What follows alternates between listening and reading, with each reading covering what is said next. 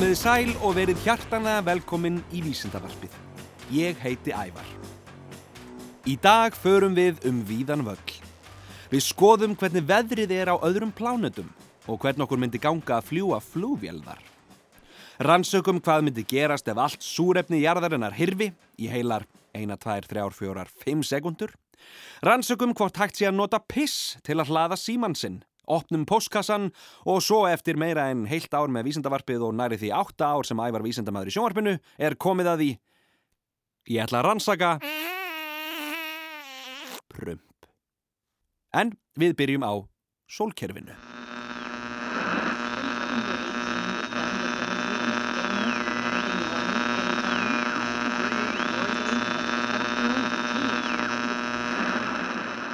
Sólkerfið okkar er gríða stórt og við vitum að þar eru plánutur á mörgum stærðum og gerðum. En hvernig er eiginlega veðrið þar? Er það alveg svo hér eða einhvern veginn allt öðruvísi? Og hvernig mynd okkur gangað til dæmis fljúa venjulegri flúvél þar? Við skulum skella okkur um borð og ferðast til annara pláneta.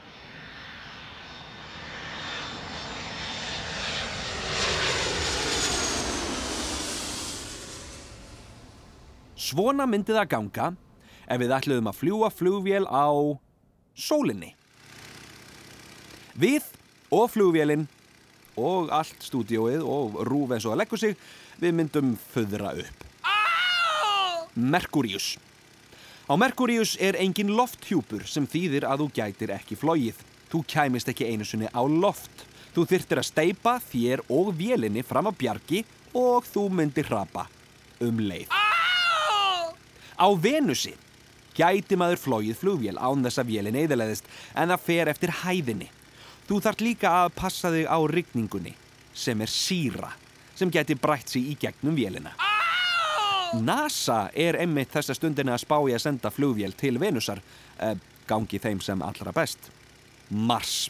Lofthjúpur Mars er örþunnur sem þýðir að þú þyrtir gríðarlega orku til að koma þér á stað og á flug. Sú orka er þið hugsalega svo mikil að þú gætir ekki haft stjórn á vélinni þegar hún er komin á stað. Júpiter. Þingdaraflið á Júpiter er miklu meira en hér á jörðinni. Þú þurftir mikla orku til að halda vélina á lofti og á lokum þá myndir þú hrapa í skíaþyknið, hrapa hratt og svo myndir vélinn frjósa. Á endanum myndir hún svo kremjast og bráðuna við hitan og þrýstingin innan í Júpiter. Úf. Saturnus. Þér mun takast að halda þér á lofti í smástund. En svo myndu frjósa og rapa. Og hér er líka mikil ókýrð, tek það fram. Á Úranusi er dimmt og kallt. Og eins og Saturnusi, mikil ókýrð. Þú gætir flóið eins lengi og það tæki eldsneitið þitt að frjósa í gegn. Sem í 212 gráðu frosti ætti ekki að taka oflangan tíma. Sem þýðir Neptunus. Hér eru snörpustu vindar í öllu sólkerfinu sem þýðir mesta ókyrðin af þeim öllum og hér er líka svakalega kallt, enn kaldara enn á Úranusi. Flugvélinn þín myndi frjósa og ef hún myndi lenda í neptúnskum stormi myndi hún brotna í tætlur. Kanski er bara best að fljúa hérna heima. Við skulum lenda.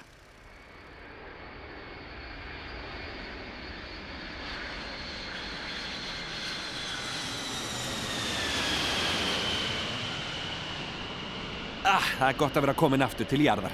Hér eru fullkomin skilirði fyrir menn og dýr og plöntur og andrumsloft fyrir alla. Eða hvað? Súrefni er eitt af frumefnunum. Súrefni er 21% af andrumslofti jarðar og næstum helmingur af massa jarðarinnar er súrefni. En hvað myndi gerast ef súrefnið, allt súrefnið í öllum heiminum, myndi hverfa? Og ekki að eilífu engar ágjur, heldur bara í 5 sekundur. Þið vitið, 1, 2, 3, 4, 5. Það ætti nú ekki að hafa mikil áhrif. Eða hvað? Hvað myndi gerast? Við skulum prófa að sjúa burt allt súrefni.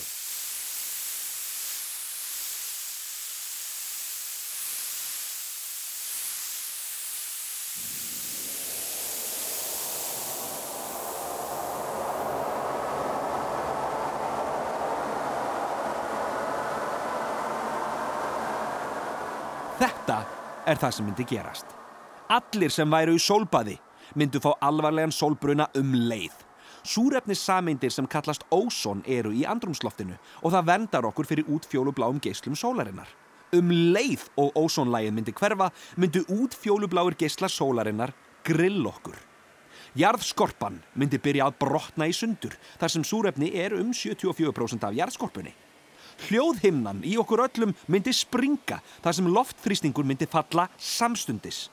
Allar byggingar úr steipu myndu hrinja því steipa inniheldur mikið súrefni og síðast en ekki síst myndi þetta hafa gríðarlega mikil áhrif á allt vatn. Vatn er 89% súrefni sem þýðir án súrefnis er þið allt vatn á jörðinni að vettni á gasformi. Þetta þýðir meðal annars að öll heimsins höf myndu breytast í vettnisgas sem myndi svo svífa út í geim og það væri ekkert mál fyrir vettnið að komast út í geim því að vettni er léttar en andrumsloftið og leitar þess vegna upp. Súrefni er greinilega afar mikilvægt. En úr einu í allt annað. Framtíðin ber margt í skauti sér og maður getur einhvern veginn ekki beðið eftir því að sjá hvaða stórkoslegu uppfinningar munu koma fram á sjónarsviðið sem munu breyta heiminum og gera hann að betri stað. Að því sögðu, einhverju gæjar í bandaríkjónum eru búin að finna vísindarlega leið til að hlaða símansinn með pissi. Við skulum fara nánar út í það.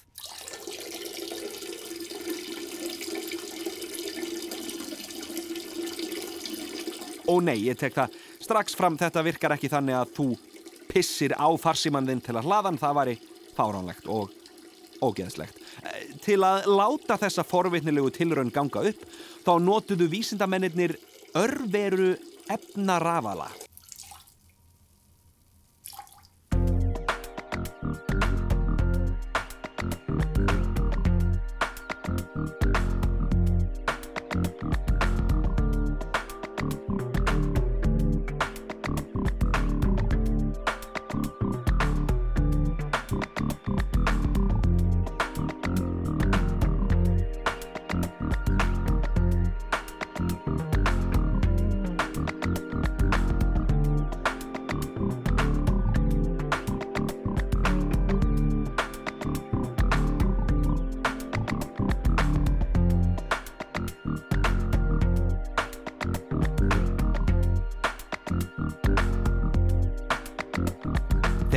Virkja orku sem ákveðinar örverur framleiða við loft fyrða öndun. Þetta gera þeir til þess að mynda ströym á milli tveggja rafskauta, þekkt sem bakskaut og forskaut. En hvernig kemur pissið, hlandið, þvægið til sögunar? Jú, hér er þvag notað sem uppspretta ammoniaks sem þessar örverur þurfa til að anda. Með því að stapla sex sérstökum raflöðum hver ofan á aðra sem allar voru í hlæðslu gáttu vísendamennir aukið spennuna og ströymin og þannig hlaðið síman. Að hlaða síman alveg í botn kostar 4,2 lítra af pissi sem er töluvert meira magn en nokkur manneski hefur nokkuð tíman pissað í einni bunu. Sama þótt hún hafi verið í svakalegum spreng. Vísindamennir á bakvið konunina gátu þó með frekar venjulegri meðalbunu hlaðið Samsung Galaxy farsíma það mikið að þeir gátu talað í hann í þrjá klukkutíma stanslust á móti 6 klukkustundum sem síminu var í hlæðslu. Þeir notuðu 600 millilítra af hlandi í hlæðsluna. Von vísindamannana er að með þessu móti geti fólk sem einhverja hluta vegna á ekki greiðan aðgang að ramagni átt möguleika á því að hlaða símana sína. Þetta kæmi sér vel ef einhver myndi til dæmis villast. Og þá vitum við það. Framtíðin er björt og volk.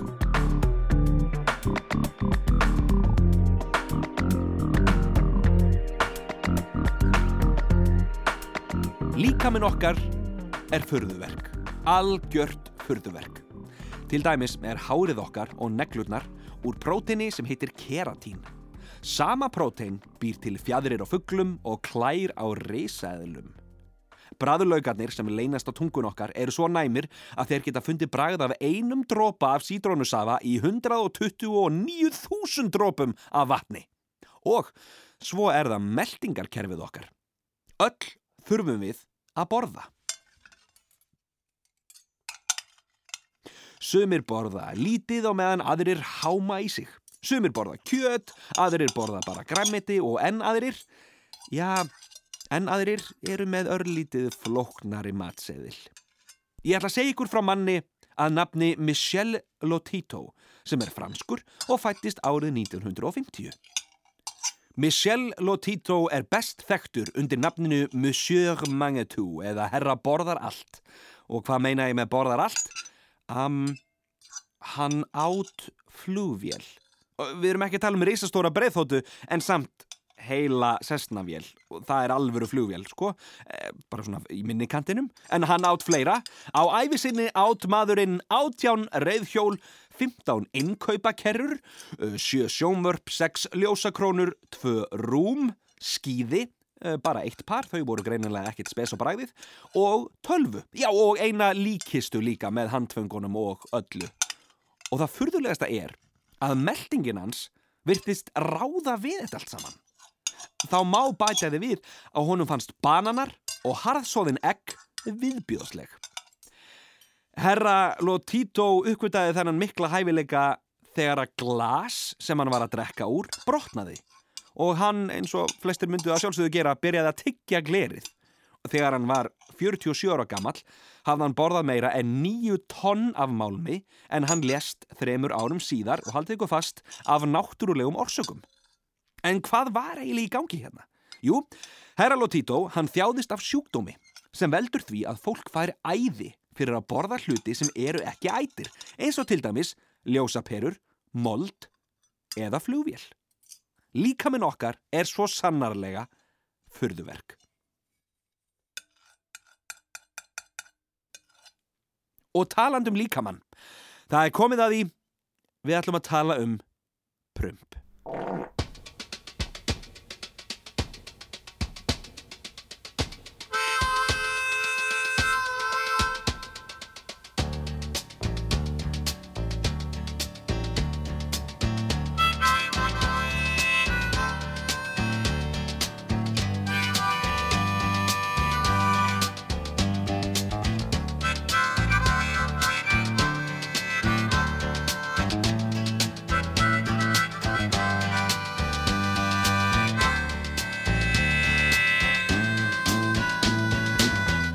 Þetta er eitthvað sem allir gera en fólk er mismikið til í að tala um. Allir prumpa. Menn, dýr, leðursófar, það er lifandi dýrum eins eðlislagt og að anda og borða. En hvernig er það? Er hægt að flýja fred? Skoðum málið. Ef einhver prumpar nálagt þér, eða á þig, eru oft fyrstu viðbröðin að reyna að komast sem lengst í burtu. Það eru ekki góðar líkur á því að þú náir að flýja hljóðið sem fylgir fretinu. Hljóð berst á miklum hraða þannig að við getum eiginlega ekki komist hjá því að heyra vindgangin. En kannski er það bara gott. Þá vitum við að viðbjóðslegt ský er á leiðinni til okkar og við höfum tíma til að flýja. Kannski er hljóðið, fretið sjálft, bara fyrirtags viðvörunabjalla, ekki satt? En þá komum við að fílunni sem fylgir. Þegar við finnum lykt af tilteknu efni er það vegna þess að sameindir frá efninu hafa losnað og komist í snertingu við svo nefnda viðtaka í nefnu á okkur. Upp í nefhólinu eru um 50 miljónir þefnema sem þekja um 5 cm af slímhúð. Þegar lyktinn eða sameindin kemur inn um nefið, sest hún á þefnema og skilaboð eru sendil heilans og heilin flokkarana sem tiltekna lykt. Það má því segja að lyktarskinnið sé beintengt við heilan. Talið er að heilbrygt nef geti fundið 10.000 mismunandi lyktir. En nú flækist málið. Fólk tólkar lyktir á ólíkan hátt. Sumum finnst til dæmis lyktin af mikluosti, mm, vera ógeðsleg á meðan aðrir get ekki beðið eftir að háman í sig. Ég er einn af þeim, mér finnst mikluostur ægilega góður. Hvert prump er svo auðvitað mismunandi, aðalega eftir því hvað þú hefur verið að borða. Umhverfið skiptir líka miklu máli ef við ætlum að aðtöga hvort við getum flúið fretið. Hittin inn í herberginu skiptir máli, loftþristingurinn og hvort það sé opinn gluggingvastadar. Allt þetta hefur áhrif á hraða prumpsins. Sem er eitthvað sem ég held myndi aldrei nokkuð tíma að segja í útvarpinu eða í lífinu ef við förum út í það. Til dæmis lykta efni miklu minna í frosti því þá gefa þau frá sér færri samindir út í andrumsloftið sem þýðir þú átt betri möguleika að flýja fred á veturna. En kannski sérstaklega að því þá eru allir í snjókólum og eins og allir vita fara snjógallafred ekki spönn frá rassi. Internetinu ber ekki saman um hversu hratt fred ferðast en flestir vilja meina að meðal vindgangur ferðist rúmlega þrjá metra á sekundu. Í flestum tilfellum eru samt buksur, sófi eða eitthvað annað sem hægir ferðina og þess vegna tæknilega séð ættirðu að geta flúið fred. Að því gefnu að þú heyrir í því og hlaupir á stað. Ég lofa engum með þöggla vindgangin eða gegnum trekkin eins og hann er stundum kallaður. Hann áða til að læðast upp að fólki. Og að lokum, við skulum opna postkassan. Kæri ævar, hvers vegna hlæjum við þegar við erum kýtluð? Hveðja Breki Elís 6 ára kjalarnesi? Þetta er góð spurning. Fáum, uh, fáum hlátur. Já, fáum kannski að- að- aðeins öðruvísi hlátur. Eða við, við, við skulum bara sleppa öllum hlátri. Alltilega, já, takk fyrir þetta. Takk. Þegar einhver kýtlar mann, þá gerast nokkri hlutir. Við byrjum að hlæja, svona oftast. Sumir ganga jafnvel svo langt að öskra af hlátri. En það sem gerist líka er að varnar viðbröð líkamanns fara af stað. Við tegjum okkur og tósum og reynum að sleppa undan kýtlinu með öllum ráðum og sumir vísindamenn telja að ástæðan fyrir því að við hlæjum er svo að hláturinn sé ákveðið form af skelvingu. En vegna þess að við vitum að sá sem er að kýtla okkur meinar ekkit ílt, þá hlæjum við. Við upplifum kýtlið sem gerði árás. En hvers vegna kýtlar okkur ekki þegar við reynum að kýtla okkur sjálf? Hver er eiginlega munurinn? Það er í raun mjög einfalt. Þegar við kýtlum okkur sjálf, þá vitum við að við ætlum að fara að gera það og hvernig við ætlum að gera það. Heilin okkar býr líkamann undir það og þess vegna verður sjálfskýtl valla mikið meira en bara óþægilegt klór. Hins vegar, ef einhver annar ætlar að kýtla þig, þá getur heilin ekki vita nákvæmlega hvað er að fara að gerast og... Þú hlærð. Takk fyrir frábæra spurningu, Breki.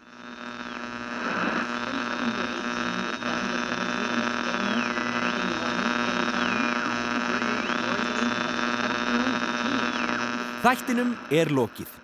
Ég vil þakka Vísindavef Háskóla Íslands, vísindavefur.is og um leið minna á vefsíðu þáttarins krakkarúf.is skástrygg ævar eða A-E-V-A-R. Þar getið hlusta á öll vísindavörpin mín og horta á alla sjónvastættina mína. Og eins og breki áðan sem sendi mér bref, ef þið viljið senda mér post, getið gert það líka í gegnum krakkarúf.is skástrygg ævar. Þetta er ævar vísindamæður, yfir og út.